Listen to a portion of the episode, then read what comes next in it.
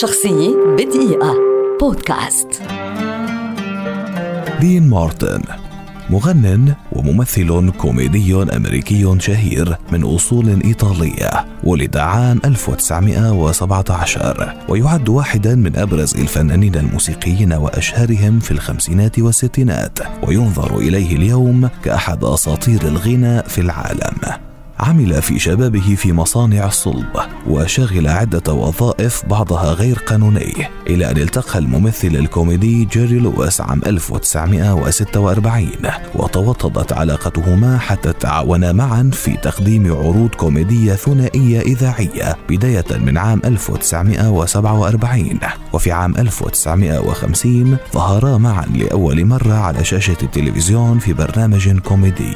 استمرت شراكة مارتن ولويس إذ قاما بجولات فنية في عدة مدن أمريكية ثم انضم مارتن إلى مجموعة Rat Pack بصحبة فرانك سيناترا وسامي ديفي. وكان آخر أداء لمارتن ولويس معا في نيويورك عام 1956 ثم انفصلا بسبب الاختلافات بينهما وكان انفصال الثنائي الكوميدي صدمة للجماهير. رغم التوقعات بأن مارتن سيفشل منفردا فإنه بدأ بإطلاق أغنيات جديدة وفي الوقت نفسه بدأ حياته العملية في التمثيل في أفلام مثل دراما الحرب العالمية الثانية وفيلم The Young Lions الذي تألق فيه إلى جانب مارلون براندو ولاقى نجاحا جماهيريا ونقديا.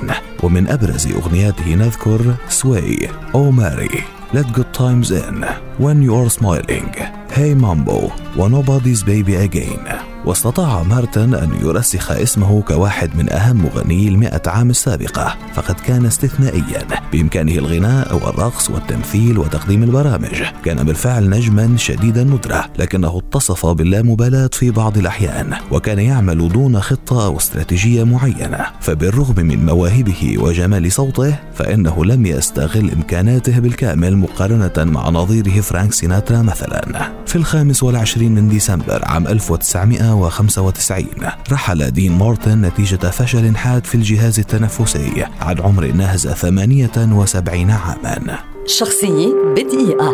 بودكاست.